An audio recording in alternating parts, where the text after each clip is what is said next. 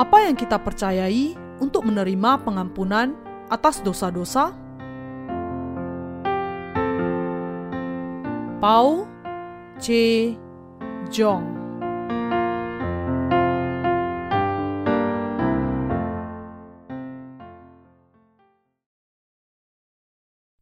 Percayalah kepada Yesus Kristus yang datang sebagai Allah kita. Matius pasal 9 ayat 1 sampai 13. Sesudah itu, naiklah Yesus ke dalam perahu lalu menyeberang. Kemudian, sampailah ia ke kotanya sendiri. Maka dibawa oranglah kepadanya seorang lumpuh yang terbaring di tempat tidurnya. Ketika Yesus melihat iman mereka, berkatalah ia kepada orang lumpuh itu, "Percayalah, hai anakku, dosamu sudah diampuni. Maka berkatalah beberapa orang ahli Taurat dalam hatinya. Ia menghujat Allah. Tetapi Yesus mengetahui pikiran mereka, lalu berkata, Mengapa kamu memikirkan hal-hal yang jahat di dalam hatimu? Manakah lebih mudah mengatakan dosamu sudah diampuni atau mengatakan, bangunlah dan berjalanlah. Tetapi supaya kamu tahu bahwa di dunia ini anak manusia berkuasa mengampuni dosa, Lalu berkatalah ia kepada orang lumpuh itu, Bangunlah, angkatlah tempat tidurmu dan pulanglah ke rumahmu. Dan orang itu pun bangun, lalu pulang. Maka orang banyak yang melihat hal itu takut, lalu memuliakan Allah yang telah memberikan kuasa sedemikian itu kepada manusia. Setelah Yesus pergi dari situ, ia melihat seorang yang bernama Matius duduk di rumah cukai.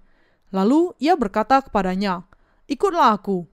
Maka berdirilah Matius lalu mengikut dia. Kemudian, ketika Yesus makan di rumah Matius, datanglah banyak pemungut cukai dan orang berdosa dan makan bersama-sama dengan dia dan murid-muridnya. Pada waktu orang Farisi melihat hal itu, berkatalah mereka kepada murid-murid Yesus, "Mengapa gurumu makan bersama-sama dengan pemungut cukai dan orang berdosa?"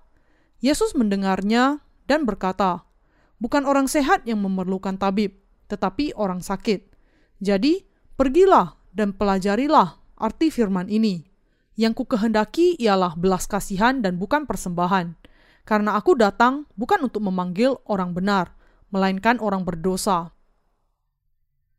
Melalui bagian kitab suci hari ini, saya berharap bahwa saya bisa membagikan berkat Allah kepada Anda semua. Bagian di atas menjelaskan mengenai Yesus menyembuhkan seorang lumpuh. Ketika orang membawa seorang lumpuh kepada Yesus, dia mengatakan kepadanya, Percayalah, hai anakku, dosamu sudah diampuni. Pada saat itu, mendengar apa yang dikatakan Yesus, beberapa ahli Taurat berpikir di dalam hatinya. Dia menghujat, dia begitu sombong.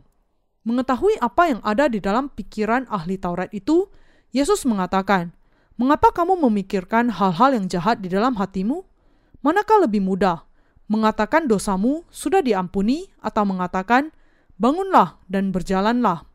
Tetapi supaya kamu tahu bahwa di dunia ini anak manusia berkuasa mengampuni dosa. Tidak mungkin Yesus tidak mengetahui apa yang ada di dalam hati para ahli Taurat itu. Inilah sebabnya dia berkata, Mengapa kamu memikirkan hal-hal yang jahat di dalam hatimu? Apa kemudian pikiran jahat itu? Hal itu adalah tidak percaya kepada kuasa Tuhan, tidak mengenal Tuhan, dan tidak percaya kepadanya. Itulah yang disebut kejahatan. Yesus sudah mengampuni segala dosa kita kecuali dosa menghujat Roh Kudus yang adalah satu-satunya dosa yang tidak bisa diampuni. Dosa ini adalah tidak percaya kepada Yesus dan tidak percaya kepada Injil air dan roh yang sudah digenapinya.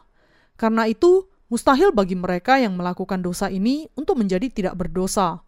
Kalau kita berbicara mengenai dosa yang terbesar di antara segala dosa adalah dosa ketidakpercayaan. Dosa ketidakpercayaan ini sejuta kali lebih besar dari dosa-dosa tindakan kita. Tidak percaya kepadanya adalah dosa yang paling jahat dan paling besar. Ketika empat orang itu membawa seorang lumpuh kepada Yesus, Yesus langsung mengatakan kepadanya, "Percayalah, hai anakku, dosamu sudah diampuni." Pada saat itu, ada ahli-ahli Taurat sedang berdiri di dekat Yesus. Para ahli Taurat adalah orang-orang yang memiliki pendidikan dan pelatihan yang memadai. Dalam situasi sekarang, mereka sama dengan pejabat-pejabat pemerintah. Jadi, para ahli Taurat itu adalah para pejabat pemerintah bagi negara Israel pada zaman itu. Mendengar apa yang dikatakan Yesus kepada seorang lumpuh itu, mereka berkata di dalam hati, "Dia sangat sombong. Dia paling sombong di antara semua orang yang pernah ada. Bagaimana mungkin ada orang yang mengatakan, 'Anakku, dosamu sudah diampuni'?" Aku tidak bisa mengerti bagaimana seseorang yang bernama Yesus ini bisa mengatakan hal yang demikian. Dia melakukan penghujatan. Mereka berpikir bahwa Yesus mengucapkan kata-kata yang seharusnya tidak dikatakan manusia. Karena Yesus mengatakan, "Anakku, dosamu sudah diampuni." Para ahli Taurat itu yang tidak percaya bahwa Yesus adalah Allah tidak bisa tidak berpikir demikian. Yesus adalah Allah untuk semua manusia. Pada zaman dan masa ini, ketika kita menyaksikan TV, kita sering melihat beberapa pemimpin agama yang muncul beberapa kali dan mengatakan, "Aku sudah mengampuni dosamu." Karena orang-orang ini yang hanyalah manusia biasa, mengatakan perkataan-perkataan itu seolah-olah mereka adalah Allah, kita bisa mengatakan bahwa orang-orang itu sungguh-sungguh sangat sombong. Para ahli Taurat di dalam bagian kitab suci yang kita baca hari ini juga berpikir demikian, menganggap Yesus sebagai orang yang sangat sombong. Mereka tidak mengucapkan kata-kata yang demikian, tetapi Yesus masih tahu apa yang mereka pikirkan. Dan dia mengatakan kepada mereka bahwa mereka memikirkan pikiran jahat di dalam hati mereka. Dia menegur pikiran jahat mereka dengan mengatakan, Aku berkata demikian supaya kamu tahu bahwa anak manusia memiliki kuasa di atas bumi ini untuk mengampuni dosa. Dan dia sungguh-sungguh menghendaki agar semua manusia memahami bahwa Yesus Kristus yang datang sebagai anak manusia memang memiliki kuasa untuk mengampuni dosa-dosa kita mengatakan bahwa seseorang menghujat ketika orang ini dalam kesombongan dan keangkuhannya tidak mengenal keadaan dirinya dan berusaha meninggikan dirinya melebihi Allah. Para ahli Taurat berpikir bahwa yang dikatakan Yesus menunjukkan kesombongan karena mereka tidak percaya bahwa Dia adalah Allah sendiri dan Anak Allah. Tetapi ini hanyalah refleksi dari kejahatan mereka, karena Yesus memang Allah sendiri. Yesus adalah Tuhan atas segala sesuatu yang menciptakan manusia dan seluruh alam semesta, dan Dia adalah Tuhan alam semesta atas segala sesuatu yang ditemukan di seluruh alam semesta ini. Inilah yang sebenarnya dimaksud oleh Yesus bagi kita, tetapi para ahli Taurat itu tidak memahami pendiriannya. Yesus mengatakan kepada mereka bahwa mereka memikirkan yang jahat di dalam hati mereka karena Dia tahu bagaimana pikiran mereka tentang Dia. Karena itu, Dia berkata, Aku mengatakan apa yang aku katakan supaya kamu tahu bahwa anak manusia memiliki kuasa di atas bumi ini untuk mengampuni dosa. Kalau aku mengatakan, anakku, bangunlah, angkatlah tempat tidurmu dan pulanglah. Dan kalau orang lumpuh itu bangun, mengangkat tempat tidurnya dan pulang ke rumahnya, mungkin kamu bisa memahami hal ini. Tetapi ini bukan kasusnya. Tuhan kita menjelaskan dengan membuat kontras antara dua cara yang bisa diambilnya – dan bertanya kepada para ahli Taurat itu, "Yang manakah yang lebih mudah? Mengatakan dosa-dosamu sudah diampuni, atau mengatakan bangkit dan berjalanlah?" Menurut Anda, manakah yang dianggap lebih mudah oleh para ahli Taurat? Masih bisa mereka terima jika seandainya Yesus mengatakan, "Anakku, sembuhlah dari lumpuhmu, angkat tempat tidurmu dan berjalanlah," dibandingkan dengan mengatakan, "Anakku, dosa-dosamu sudah diampuni." Tetapi karena Yesus adalah anak Allah yang maha mutlak, yang kuasanya jauh melebihi hal itu, dia mengatakan, dosa-dosamu sudah diampuni. Supaya manusia mengerti bahwa Tuhan memiliki kuasa untuk mengampuni dosa-dosa manusia. Adalah untuk membuat manusia mengerti bahwa Yesus memiliki kuasa untuk mengampuni dosa, sehingga dia mengatakan hal demikian. Ketika kita mengaku percaya kepada Yesus ini, kita semua percaya bahwa Dia adalah Sang Pencipta yang menjadikan alam semesta dan Juru Selamat yang sudah menyelamatkan kita dari segala dosa kita. Tetapi sebenarnya ada saat-saat di mana kita merendahkan keberadaannya, karena Allah adalah Bapa dan Yesus adalah anaknya. Namun meskipun Yesus memang anak Allah, dia sendiri pada hakikatnya adalah Allah yang maha kuasa juga. Yesus adalah Allah sendiri yang memiliki kuasa untuk mengampuni dosa-dosa manusia dan Dia adalah Juru Selamat kita. Dan Yesus Kristus datang ke bumi ini dan sungguh-sungguh menghapuskan segala dosa kita dengan baptisan dan darahnya di atas kayu salib. Apakah pemahaman Anda tentang Yesus dan bagaimana Anda percaya kepadanya di dalam hati Anda? Tidakkah Anda entah karena apa percaya kepada Yesus seperti yang dipercayai oleh para ahli Taurat? Ketika Petrus percaya kepada Yesus dan membuat pengakuan imannya, dia mengatakan, "Engkau adalah Kristus, Anak Allah yang hidup." Bagaimana Anda memandang Yesus dan siapakah Dia di dalam keyakinan Anda? Apakah Anda sungguh-sungguh yakin bahwa Yesus Kristus adalah Allah yang benar? Ada Allah Bapa dari Yesus Kristus, dan bagi Anda dan saya, Yesus Kristus adalah Allah yang sama. Sudahkah Anda mengenal Yesus dengan benar? Ketika Yesus datang ke dunia ini, dia sungguh-sungguh dihina dan direndahkan, diperlakukan sebagai orang yang patut diabaikan. Alkitab mengatakan, ia telah ada di dalam dunia, dan dunia dijadikan olehnya, tetapi dunia tidak mengenalnya. Yohanes pasal 1 ayat 10. Dengan kata lain, dia yang adalah pencipta dan Tuhan atas semuanya sudah datang ke dunia ini, tetapi dunia tidak mengenalnya dan tidak menerimanya. Siapa sebenarnya yang tidak menerimanya? Semua manusia di seluruh dunia ini. Apakah kita sudah melupakan kebenaran ini meskipun kita sudah diselamatkan dari segala dosa dengan percaya kepadanya melalui Injil air dan roh? Apakah Anda entah bagaimana melupakan siapa Yesus itu, mengabaikan kemuliaan dan keagungannya, menyingkirkan dia di belakang Anda? Ada Bapa bagi Yesus Kristus, tetapi bagi kita, Allah Bapa Bapa dari Yesus Kristus adalah Allah dan demikian juga Yesus Kristus, Allah yang sama dan yang mutlak. Mengapa? Karena dia adalah Tuhan kita dan karena dia sungguh-sungguh datang ke bumi ini dan sudah menyelamatkan kita dari segala dosa kita melalui Injil air dan roh. Dia tidak hanya memiliki kuasa untuk mengampuni dosa-dosa kita, tetapi dia juga Tuhan kita dan Sang Pencipta yang sungguh-sungguh sudah menciptakan kita semua. Dia memang Tuhan kita, Allah dan Juru Selamat bagi semua manusia. Apakah Anda entah karena apa memandang rendah Yesus?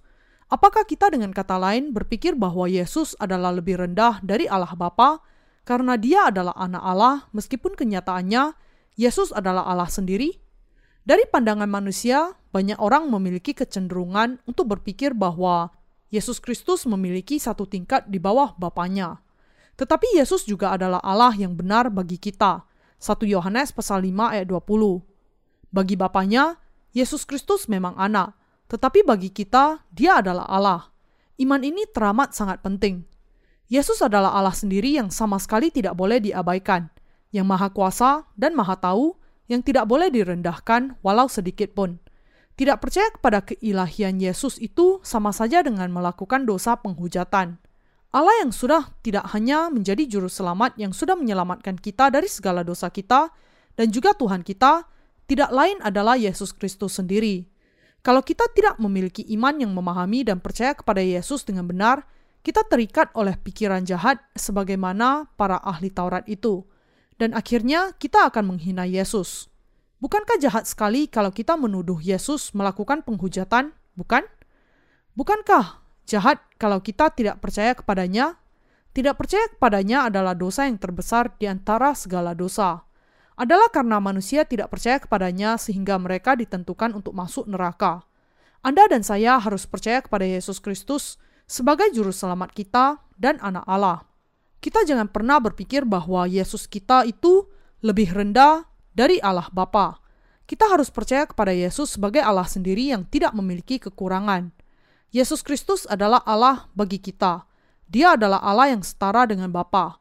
Ketika Yesus Kristus datang ke bumi ini, dia melakukan hal itu dengan merendahkan dirinya sampai taraf yang tidak terkatakan. Adalah untuk menyelamatkan manusia dari dosa sampai Yesus Kristus datang ke dunia ini dalam rupa manusia.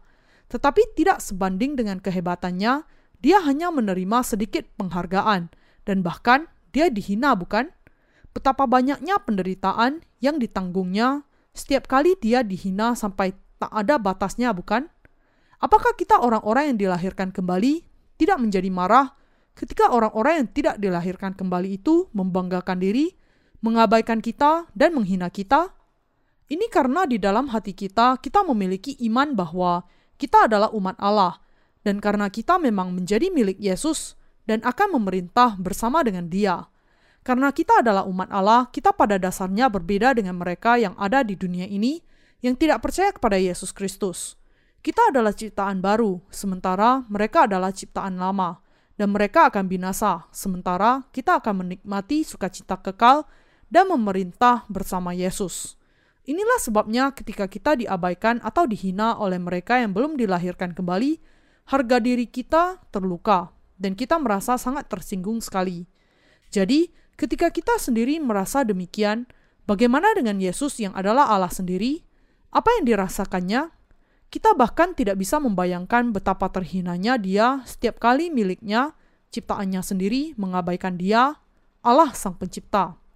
Ketika empat orang membawa seorang lumpuh kepada Yesus, dia mengatakan kepadanya, Anakku, dosa-dosamu sudah diampuni.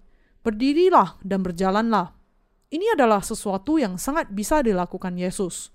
Yesus mengatakan hal ini kepada orang lumpuh itu karena orang itu sungguh-sungguh percaya bahwa Yesus adalah anak Allah dan yang maha mutlak. Orang lumpuh ini sungguh-sungguh percaya di dalam hatinya bahwa Yesus memang juru selamatnya dan Allah sendiri. Dia percaya dengan kata lain bahwa Kristus sungguh-sungguh datang ke bumi ini dan menjadi manusia serta menyelamatkan dia. Adalah karena dia sudah mendatangi Yesus dengan hati yang demikian, sehingga Tuhan kita yang memahami lubuk hati manusia mengatakan kepadanya, Anakku, dosa-dosamu sudah diampuni adalah karena seorang lumpuh itu memahami siapakah Yesus itu dan percaya kepadanya sehingga dia kemudian sungguh-sungguh diampuni dari segala dosanya dengan iman. Inilah sebabnya sangatlah penting bagi kita untuk memahami siapa sebenarnya Yesus itu ketika kita mengakui diri percaya kepadanya. Kalau kita tidak memiliki pengenalan dan pemahaman yang benar akan Yesus, maka segala kepercayaan kita pasti akan runtuh. Adalah ketika kita mengenal Allah dengan benar maka iman kita bisa menjadi sempurna. Kalau kita tidak mengenal Yesus Kristus dengan benar, ketika kita percaya kepadanya, hati kita tidak akan bisa berdiri teguh dalam iman.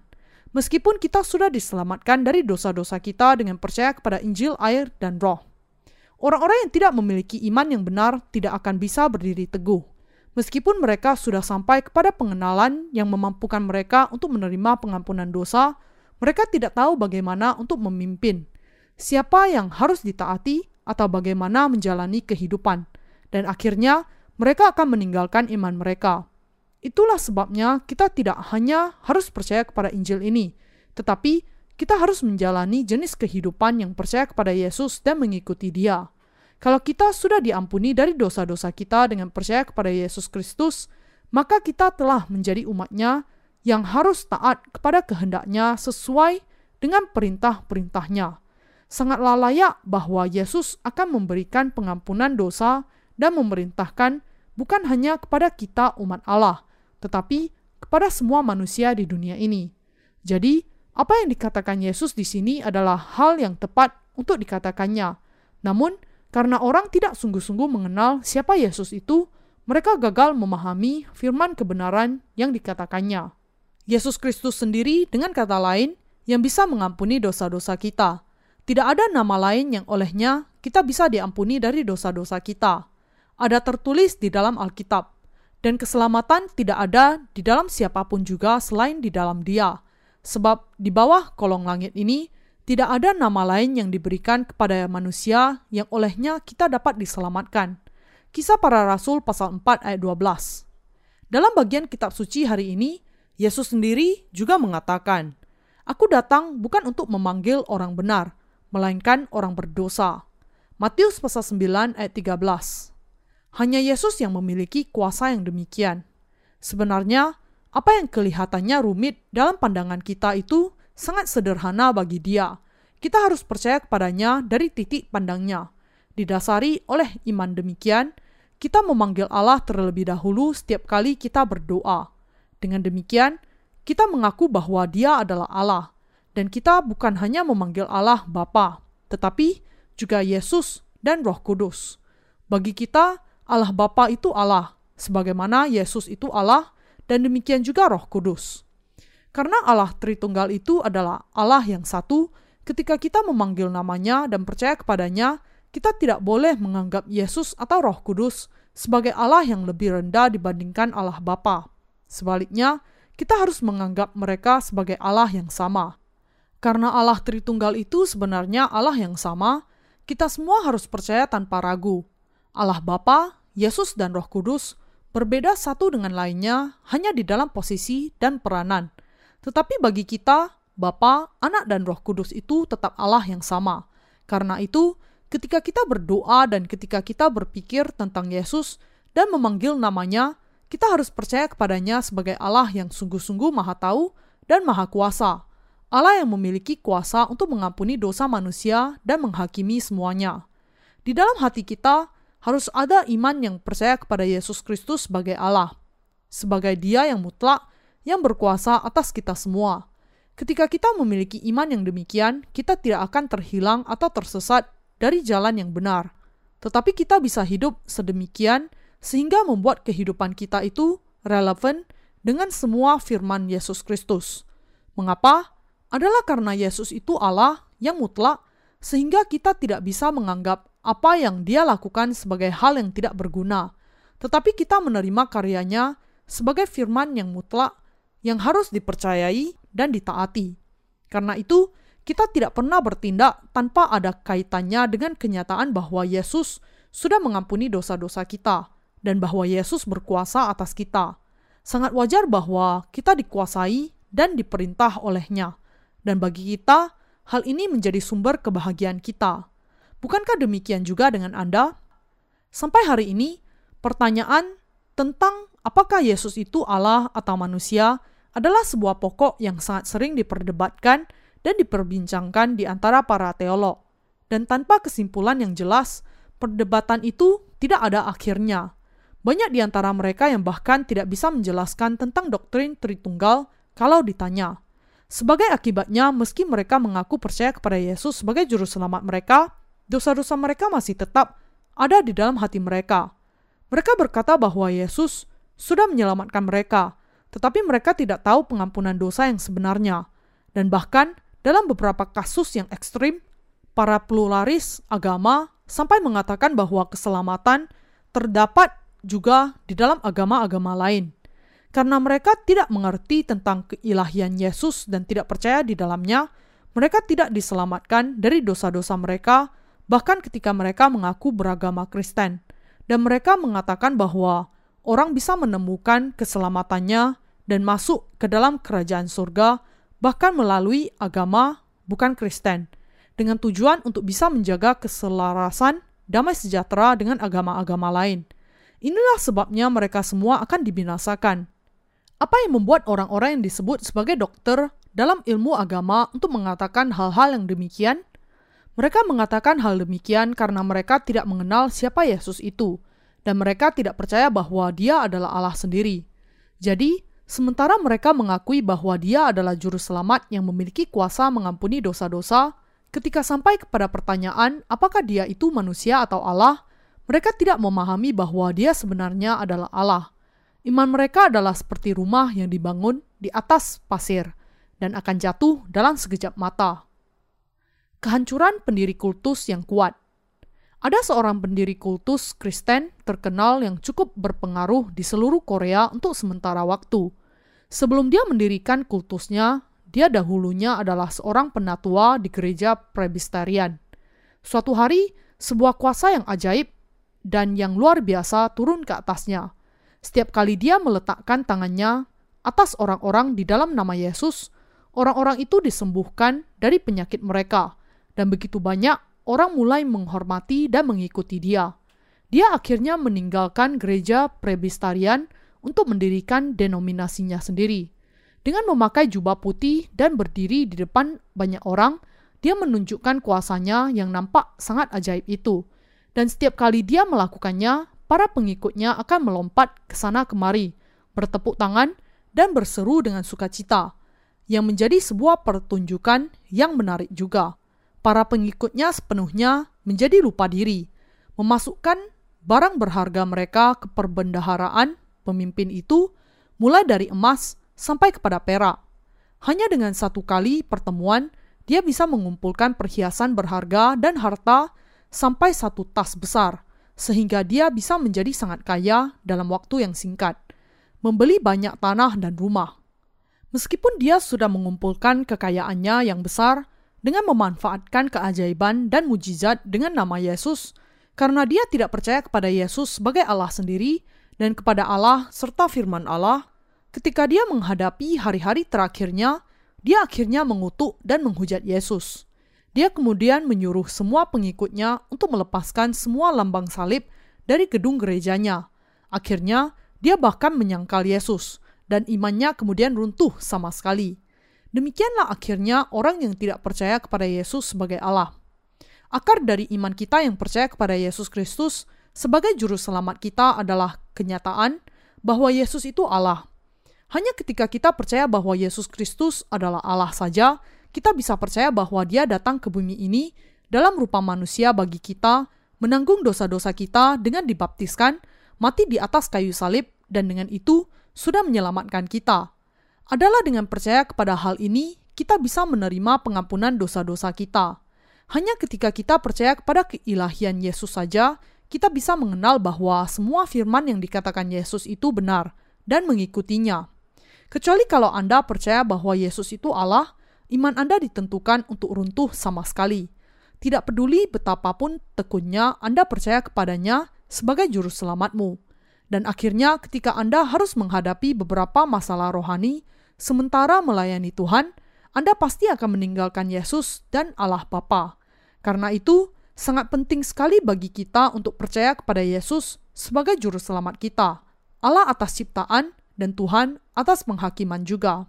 Alasan mengapa para ahli Taurat di dalam bagian kitab suci hari ini gagal dalam iman mereka meskipun mereka percaya kepada Allah adalah karena mereka tidak mengenal siapakah Yesus itu. Sebaliknya, orang lumpuh itu mengenali Yesus sebagai Allah dan percaya kepadanya demikian di dalam hatinya, dan karena inilah Yesus mengatakan kepada orang itu, "Anakku, dosa-dosamu sudah diampuni." Ia kemudian menerima berkat pengampunan dosanya, sepenuhnya disembuhkan dari sakit-sakitnya, dan bisa kembali ke rumahnya dengan tubuh yang sudah disembuhkan. Para ahli Taurat di sisi lain justru ditegur karena mereka tidak mengenal siapakah Yesus sebenarnya dan tidak percaya kepadanya. Mereka tidak hanya ditegur, tetapi mereka juga tidak bisa menerima pengampunan dosa-dosa mereka, dan mereka tetap saja terikat di dalam lubang api neraka yang kekal. Tuhan datang untuk memanggil orang-orang yang lemah seperti kita. Yesus mengatakan, "Aku tidak datang untuk memanggil orang-orang yang benar, tetapi orang-orang berdosa, supaya bertobat." Inilah sebabnya Alkitab juga memanggil Yesus Kristus sebagai anak manusia yang sudah dilahirkan ke bumi ini melalui tubuh seorang anak darah yang bernama Maria dan nampak menjadi anak manusia. Karena Allah menjadi anak manusia dan karena yang maha kuasa datang sebagai anak manusia untuk menyelamatkan kita, dia juga disebut sebagai anak manusia.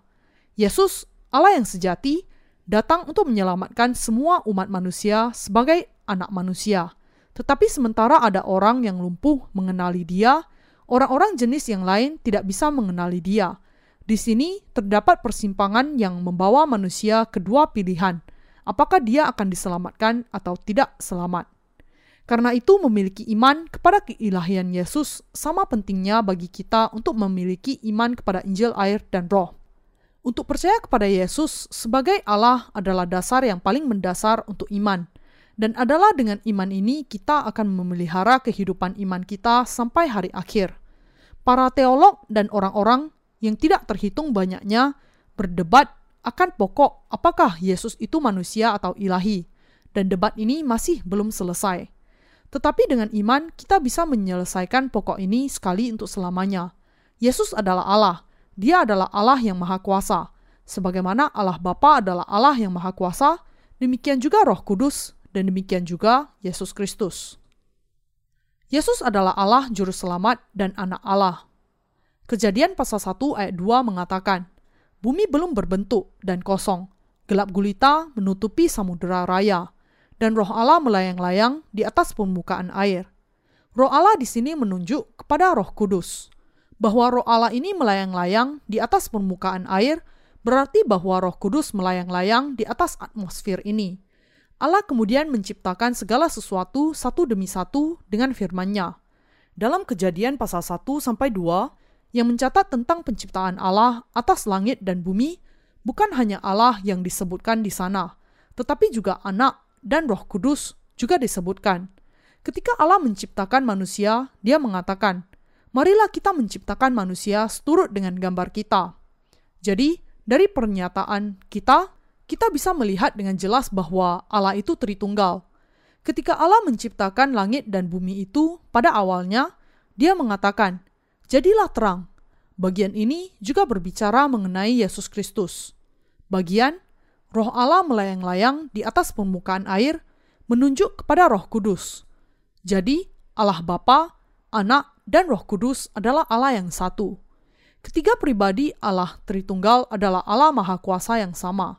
Kita jangan sampai lupa bahwa kita sudah diselamatkan dengan percaya kepada ketiga pribadi Allah Tritunggal itu. Saudara Kristen yang terkasih, apakah Anda percaya bahwa Yesus adalah Allah yang Maha Kuasa dan mutlak, dan bahwa Dia adalah Juru Selamat? Semua orang harus percaya kepada kebenaran ini, karena ini sesuatu yang sangat penting. Jadi, kita harus menegaskan iman ini di dalam hati kita terus-menerus. Kita harus menempatkan kebenaran ini di dalam hati kita dan menegaskannya. Tidak peduli betapa tekunnya kita percaya kepada Yesus sebagai juru selamat kita, kalau kita tidak percaya kepada pribadinya sebagai Allah yang mutlak, maka iman kita akan runtuh. Iman seperti ini memang akan runtuh dan lumer karena tidak memiliki keteguhan dan membuat kita tidak bisa memahami status kita sebagai anak-anak Allah dan para pekerjanya. Dengan demikian, menjadi mustahil bagi kita untuk tetap memiliki kesombongan. Orang yang ada di dalam jenis iman yang demikian bertekun di dalam kekristenan hanya sebagai salah satu agama di dunia dan menganggap Yesus hanya sekedar sebagai pendiri agama mereka. Sebagai akibatnya mereka akhirnya berpikir, jadi saya pasti hanya percaya kepada salah satu di antara banyak agama di dunia ini, dan kemudian binasa. Adalah pengharapan dan doa saya bahwa iman Anda bukanlah iman yang tidak berdasar seperti ini. Ketika saya memahami Injil kebenaran air dan roh, saya mengerti bahwa iman doktrinal semata tidak peduli berapapun lamanya orang mempelajarinya adalah sia-sia saja dan tidak lebih dari sekedar ragi. Ada banyak teologi yang tidak ada bedanya dengan ilmu pengetahuan di dunia ini yang harus dibuang ke dalam tempat sampah. Begitu banyak ahli yang sama sekali tidak memiliki jawaban dan juga tidak memiliki kebenaran, dan hanya sekedar menambahkan kontroversi dari hari ke hari, tidaklah lebih dari sekedar ragi saja. Khususnya saya mau memperingatkan Anda bahwa orang-orang yang dilahirkan kembali dan orang-orang yang mau dilahirkan kembali harus menghindari hal yang demikian. Tuhan Yesus kita mengatakan, Berjaga-jagalah dan waspadalah terhadap ragi orang Farisi dan Saduki. Matius pasal 16 ayat 6. Mengapa? Karena sekali seseorang memakan roti yang beragi demikian, sangat sulit bagi dia untuk dilahirkan kembali. Dan kalau orang yang dilahirkan kembali makan roti yang beragi demikian, mereka pasti akan mati. Saya begitu bersyukur untuk kehidupan iman yang saya miliki sekarang, di mana saya sudah bertemu dengan Injil air dan roh, dan saya dituntun oleh Yesus Kristus Allah saya. Kita harus memahami dan percaya bahwa Yesus adalah Allah yang mutlak sendiri bagi Anda dan saya. Yesus adalah Dia yang mutlak. Dia adalah Allah yang benar yang memiliki kedaulatan, kuasa, kekuatan, dan kemuliaan yang sama dengan Allah Bapa. Yesus pernah mengatakan kepada Filipus, Barang siapa telah melihat aku, ia telah melihat Bapa. Yohanes pasal 14 ayat 9. Sampai sekarang, tidak ada orang yang pernah melihat Allah Bapa, tetapi barang siapa telah melihat Yesus, ia telah melihat Bapa. Ini adalah karena Yesus adalah Allah sendiri, dan Yesus juga mengatakan bahwa dia memiliki kuasa di atas bumi untuk mengampuni dosa-dosa. Kita harus memiliki iman kepada firman Allah adalah kerinduan segenap hati saya bahwa Anda dan saya akan berpegang kepada iman ini di dalam hati kita. Sementara saya sungguh-sungguh ingin agar kita memiliki jenis iman yang demikian, di dunia ini ada banyak orang yang seperti para ahli Taurat itu. Kita harus memahami kenyataan ini. Ketika kita memberitakan Injil, bagi mereka yang belum percaya bahwa Yesus itu Allah, tidak peduli berapa kali kita menjelaskan kepada mereka tentang Injil air dan roh, semuanya adalah sia-sia. Ini adalah karena ketika orang-orang yang demikian mendengar firman tanpa percaya di dalam hati mereka bahwa Yesus itu Allah, yang mereka dengar hanyalah menjadi sekedar doktrin semata. Kalau Anda dan saya tidak mau menjadi orang-orang yang demikian, harus ada iman di dalam hati kita. Percaya bahwa Yesus yang sudah menyelamatkan kita itu pada dasarnya adalah Allah sendiri. Firman kebenaran bisa bekerja di dalam hati kita hanya ketika kita memiliki iman di dalam Yesus sebagai Allah atas ciptaan yang menciptakan seluruh alam semesta dan segala yang ada di dalamnya. Iman kepadanya sebagai juru selamat dan iman kepadanya sebagai Allah atas penghakiman. Yesus hidup bahkan sampai sekarang, dan dia berkuasa atas kita sebagai Allah yang mutlak. Sesudah menjadi gembala kita, dia memimpin kita ke tempat yang benar, dan dia juga memerintah atas semua manusia juga, yang jahat dan yang baik, dan orang-orang yang percaya serta orang-orang yang tidak percaya. Kita harus percaya bahwa tidak lain dari Yesus Kristus itulah Allah. Kita harus memahami bahwa Yesus Kristus inilah yang kita percaya dan yang kita imani sebagai Allah kita yang mengendalikan alam semesta. Siapakah Yesus menurut Anda? Siapakah Yesus Kristus menurut Anda? Apakah Anda berpikir bahwa Dia adalah Allah, atau Anda berpikir bahwa Dia hanyalah orang bijak di antara manusia? Apakah Anda berpikir bahwa Yesus itu Allah, dan apakah Anda percaya kepadanya sebagai Allah?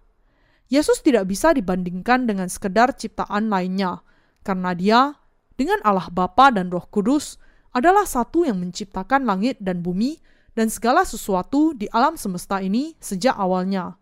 Siapakah yang menciptakan dan mengatur galaksi ini? Siapakah yang menetapkan semua aturan dan mengatur alam semesta ini dengan ketetapan yang sempurna? Yesus Kristus. Nama Yesus berarti juru selamat, dan nama Kristus berarti raja yang diurapi. Ini berarti dengan kata lain, Yesus adalah Allah sendiri. Yesus Kristus, Allah kita sekarang mengatur alam semesta ini dan segala sesuatu di dalamnya. Baik surga maupun neraka juga ada di bawah penguasaan Yesus Kristus. Alasan mengapa saya terus memberi penekanan bahwa hati kita harus memiliki iman ini adalah karena iman tumbuh dari mendengar firman, sebagaimana Alkitab mengatakan. Jadi, iman timbul dari pendengaran, dan pendengaran oleh firman Kristus. Roma pasal 10 ayat 17. Iman Anda yang didasarkan kepada firman Allah akan memberikan kepada Anda kekuatan untuk mengalahkan setiap penganiayaan atau pencobaan yang akan datang. Inilah sebabnya Anda harus terus mendengar firman dan membentengi iman Anda, percaya bahwa Yesus Kristus adalah Allah yang mutlak dan bahwa Anda sudah dilahirkan kembali dari air dan roh. Dengan iman yang konkret ini, anda bisa sungguh-sungguh menerima pertolongan Allah di dalam kehidupan Anda setiap hari, dan Anda bisa menjadi berani, dan doa-doa Anda bisa dijawab setiap kali Anda berdoa kepada Allah dengan menempatkan iman Anda kepada Yesus sebagai Allah yang mutlak. Pengetahuan dan iman yang demikian itulah yang akan menguatkan kuasa doa-doa Anda. Kekristenan sudah berkembang dengan luas ke seluruh penjuru dunia, tetapi dalam kenyataannya, bahkan dasarnya pun belum diletakkan secara kuat. Dasar ini dibangun di masa gereja mula-mula, tetapi runtuh sejalan dengan waktu. Tidak peduli berapapun panjangnya sejarah kekristenan sampai kini, karena dasarnya sudah hilang, sejarahnya harus ditulis kembali. Coba perhatikan para profesor dan dokter teologi terkenal di dunia ini. Bahkan ketika mereka dikritik dan dikecam secara terbuka, mereka tidak bisa mengatakan apa pun sebagai jawaban. Dan ketika mereka diminta untuk mengkritik doktrin atau penjelasan yang salah, mereka tidak bisa menyuarakan kritik sama sekali. Yang mereka lakukan hanyalah mencari-cari celah dengan sesuatu yang dapat dilihat mata mereka. Tetapi karena mereka tidak mengerti apa pun tentang kebenaran, mereka tidak bisa memberikan kritik yang serius. Ketika mereka yang mengaku percaya kepada firman Allah bahkan tidak bisa memahaminya, atau mempercayainya secara semestinya, bukankah sangat jelas bahwa mereka tidak memiliki penilaian rohani? Ketika saya pertama kali menerbitkan pamflet kecil yang berisi Injil air dan roh, beberapa pendeta dan teolog berusaha untuk mengecam saya, karena beberapa aspek di dalam tulisan saya nampaknya berbeda dengan apa yang mereka yakini. Tetapi ketika mereka membandingkan apa yang saya katakan dengan firman di dalam kitab suci, mereka tidak bisa menemukan apa pun untuk dikritik, dan karena itu mereka menghentikan perdebatan untuk sementara waktu. Beberapa tahun sudah berlalu sejak itu, Tetapi mereka belum mengatakan sepatah kata pun melawan saya sampai hari ini. Bukalah Alkitab. Tertulis di dalam Alkitab adalah Injil baptisan yang diterima Yesus dan kayu salibnya. Di sana ditulis mengenai air yang adalah baptisan yang diterima Yesus dari Yohanes. Kita bisa menemukan firman Injil air dan roh di setiap tempat di dalam kitab suci. Namun karena mereka pada dasarnya tidak takut kepada Allah, mereka tidak peduli kepada firman Allah dan mereka bahkan mencoba untuk menyerang kebenaran dengan pengetahuan duniawi mereka yang menurut Allah tidak lebih dari sekedar omong kosong saja. Adalah karena Yesus itu Allah sehingga dia datang ke bumi ini, dibaptiskan, mencurahkan darahnya sampai mati, dan bangkit kembali dari kematian, semuanya untuk menyelamatkan kita secara pribadi. Tetapi meskipun demikian, orang-orang yang tidak tahu apa pun kemudian mengajukan dan berbicara banyak mengenai doktrin yang keliru yang melenceng dari kebenaran dan sama sekali tidak berdasar. Mereka yang percaya kepada Allah harus takut akan Dia, kembali kepada firman-Nya, percaya di dalam Yesus yang adalah Allah sendiri, dan sungguh-sungguh percaya kepada Injil air dan roh yang digenapi oleh Yesus. Kristus adalah Nabi, anak Allah, dan imam besar surgawi. Yesus yang datang ke dunia ini adalah Raja di atas segala raja yang menanggung segala dosa kita dan menghapuskan semuanya. Raja atas semuanya adalah Yesus, dan anak dari Allah yang hidup itu adalah Yesus. Ketika Petrus mengakui, "Engkau adalah Kristus, anak Allah yang hidup," yang dimaksudkannya adalah bahwa Yesus itu adalah Allah yang mutlak. Dia adalah anak Allah dan Allah yang sejati, yang menciptakan alam semesta dan segala yang ada di dalamnya, dan yang sudah menyelamatkan kita secara sempurna. Meskipun dia adalah Allah sendiri, karena dia memiliki Bapa, dia adalah anak Allah Bapa. Tuhan kita adalah Kristus, anak dari Allah yang hidup. Setelah Petrus membuat pengakuan iman ini, dia diterima oleh Yesus. Sebagaimana iman Petrus diterima dengan perkataan Yesus kepadanya, imanmu itu benar, dia begitu terhanyut sampai dia berdiri melawan jalan kebenaran Yesus dengan pikiran duniawinya. Ketika Yesus mengatakan, "Aku harus disalibkan sampai mati," Petrus menjadi begitu emosional sehingga tanpa memahami alasan Yesus mati, dia secara buta menolak kematiannya dan mengatakan, "Tuhan, kiranya Allah menjauhkan hal itu. Hal itu sekali-kali takkan menimpa engkau." Yesus kemudian berkata kepada Petrus, "Enyala iblis." Yesus tidak membiarkan bahwa seseorang, bahkan Petrus, akan mengacaukan rencana Allah karena terhanyut oleh perasaan dagingnya Itulah sebabnya dia menghardiknya dengan keras. Ada kalanya kita juga bersikap seperti Petrus. Kadangkala, bahkan ketika kita sungguh-sungguh bekerja keras bagi Tuhan, para hamba Allah mungkin menegur kita bahwa apa yang kita lakukan tidaklah benar. Adalah ketika kita terhanyut oleh perasaan kedagingan kita dan ketika kita terlalu terbawa oleh keinginan kita untuk melayani Allah, di mana kita sering kemudian melakukan kesalahan seperti yang dibuat oleh Petrus. Seringkali kita melakukan kesalahan karena kegagalan kita untuk membedakan mana yang rohani dan mana yang duniawi. Dengan kata lain, kita sering gagal membedakan untuk melihat apakah hal rohani yang menguntungkan bagi kita. Sebagai contoh, dalam menghadapi orang-orang yang lemah, kita perlu menunjukkan kesabaran kita ketika kesabaran dibutuhkan. Tetapi kita harus menegur mereka ketika kesalahan rohani dibuat dan mereka perlu ditegur. Yang harus kita sadari di sini adalah bahwa kalau kita salah berpikir dan mengira bahwa bersikap baik kepada sesama di dalam daging itu sama dengan kasih sejati, dan jika kita berperilaku demikian, maka ini akan membawa kita kepada kebinasaan. Pada setiap saat, kita harus senantiasa memahami bahwa Yesus itu Allah, percaya kepada baptisan dan curahan darahnya, dan menjalani kehidupan kita dengan dituntun oleh Allah dan orang-orang berdosa sungguh-sungguh harus memahami bahwa mereka mutlak memerlukan Yesus dan mereka harus mencari Dia. Keselamatan yang sudah dibawa oleh Yesus Kristus yang mutlak dan Allah sendiri bagi kita melalui Injil air dan Roh adalah sesuatu yang sangat diperlukan semua orang-orang berdosa.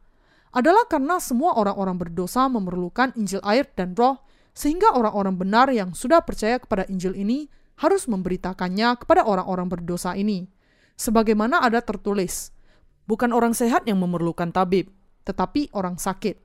Kita harus semakin giat memberitakan Injil yang benar kepada orang-orang yang sungguh-sungguh memahami keberdosaan mereka dan yang menderita karena dosa-dosa mereka itu. Sebenarnya, semua orang di dunia ini memerlukan Yesus, tetapi ada orang-orang yang tidak memahami keperluan ini. Sebagai akibatnya, mereka akhirnya akan menjadi orang-orang yang tidak percaya kepada Yesus. Kita harus percaya bahwa Yesus itu adalah Allah yang mutlak, dan Dia sudah menghapuskan segala dosa dunia melalui baptisannya dan curahan darahnya di atas kayu salib. Dan kita harus bersyukur kepadanya untuk semuanya itu. Namun, banyak orang yang tidak percaya demikian. Karena mereka tidak percaya kepada Injil air dan roh, mereka semua akan dibinasakan di tengah-tengah dosa-dosa mereka. Agar kita bisa menerima pengampunan dosa-dosa kita, dan memiliki iman yang nyata kepada Allah, kita harus percaya kepada Yesus sebagai Allah yang mutlak. Ini adalah sesuatu yang sangat penting sekali. Anda dan saya jangan pernah lupa dan harus senantiasa percaya kepada kenyataan ini karena kita sudah diampuni dari dosa-dosa kita dan sungguh-sungguh menerima Yesus sebagai Allah kita sehingga kita sudah dibebaskan dari kebinasaan kita. Memang, kita sudah menjadi muak karena sakit dosa kita, tetapi dengan bertemu dengan Yesus Kristus, Anak Allah, kita sudah disembuhkan dari segala penyakit rohani kita. Ini adalah peristiwa yang sangat penting dan berharga. Sebagai seseorang yang tidak bisa menghindar dan pasti akan masuk ke dalam api yang kekal, kita memang ditentukan untuk dibinasakan. Tetapi Allah memiliki begitu besar belas kasihan kepada kita sehingga dia menyatakan dirinya kepada kita dari antara semua manusia dan sudah mencurahkan anugerah keselamatannya kepada kita. Demikianlah kita diselamatkan. Tuhan kita mengatakan, Aku tidak datang untuk memanggil orang-orang benar, tetapi orang-orang berdosa. Siapakah yang memerlukan Tuhan? Dia diperlukan oleh orang-orang berdosa seperti kita yang mengerti penyakit dosa dan ingin disembuhkan. Karena dia adalah juru selamat kita dan Allah yang mutlak, kita yang sudah sakit secara rohani sungguh-sungguh membutuhkan Dia. Kalau bukan karena Allah yang mutlak itu, kita tidak akan pernah bisa menghindar dari menghadapi kebinasaan kita. Inilah sebabnya Yesus, Allah sendiri, sudah menjadi gembala bagi kita. Jadi, karena Allah ini sudah sungguh-sungguh membebaskan Anda dan saya dari dosa-dosa kita, sehingga kita menjadi sebagaimana kita sekarang ini, yaitu kita menjadi umat Allah. Kita adalah makhluk sedemikian yang hanya bisa diselamatkan kalau Yesus menyelamatkan kita. Yesus harus memeluk kita dengan kuasanya yang maha kuasa itu. Ada masa depan bagi kita hanya kalau dia memikul tanggung jawab bagi kehidupan kita sesudah kehidupan sekarang ini. Dia adalah dia yang secara mutlak diperlukan oleh kita semua. Orang-orang yang berpikir bahwa mereka tidak membutuhkannya mungkin tidak percaya kepadanya, tetapi anda dan saya percaya kepadanya dan mengikutinya, karena kita sangat memerlukan Dia. Kita membutuhkan Allah setiap saat dan setiap detik. Saya sangat memahami hal ini karena saya lemah dan penuh kekurangan. Saya tidak memiliki pilihan kecuali harus percaya kepadanya dan bersandar kepadanya, dan saya memang sangat memerlukan Dia. Bagaimana dengan Anda? Apakah Anda juga sungguh-sungguh sangat memerlukannya? Atau apakah Anda tidak terlalu memerlukan Dia? Semua orang pada kenyataannya memang harus memerlukan Yesus dan harus percaya kepadanya secara penuh. Kita harus berdoa dengan iman dan hidup dengan iman. Karena kita sudah menjadi anak-anak Allah dengan iman, ada alasan yang lebih banyak bagi kita untuk hidup oleh iman yang mutlak. Dengan demikian, kita menjadi orang-orang yang teramat sangat diberkati di dunia ini. Saya sangat bersyukur untuk hal ini. Menerima pengampunan dosa nampaknya tidak berarti banyak, tetapi apa yang tersembunyi di baliknya sungguh menakjubkan. Saudara seiman yang terkasih, membaca khotbah ini mungkin tidak terlihat seperti hal yang besar, tetapi pada kenyataannya ini adalah sebuah berkat yang luar biasa. Dan sementara bagi kita melayani Tuhan mungkin tidak terlihat sebagai sesuatu yang penting. Hal itu sebenarnya adalah hal yang terbesar di dunia ini, yang tidak akan pernah kita temukan di dunia ini. Apakah kenyataan bahwa kita sudah diampuni dari segala dosa kita nampaknya tidak penting bagi Anda?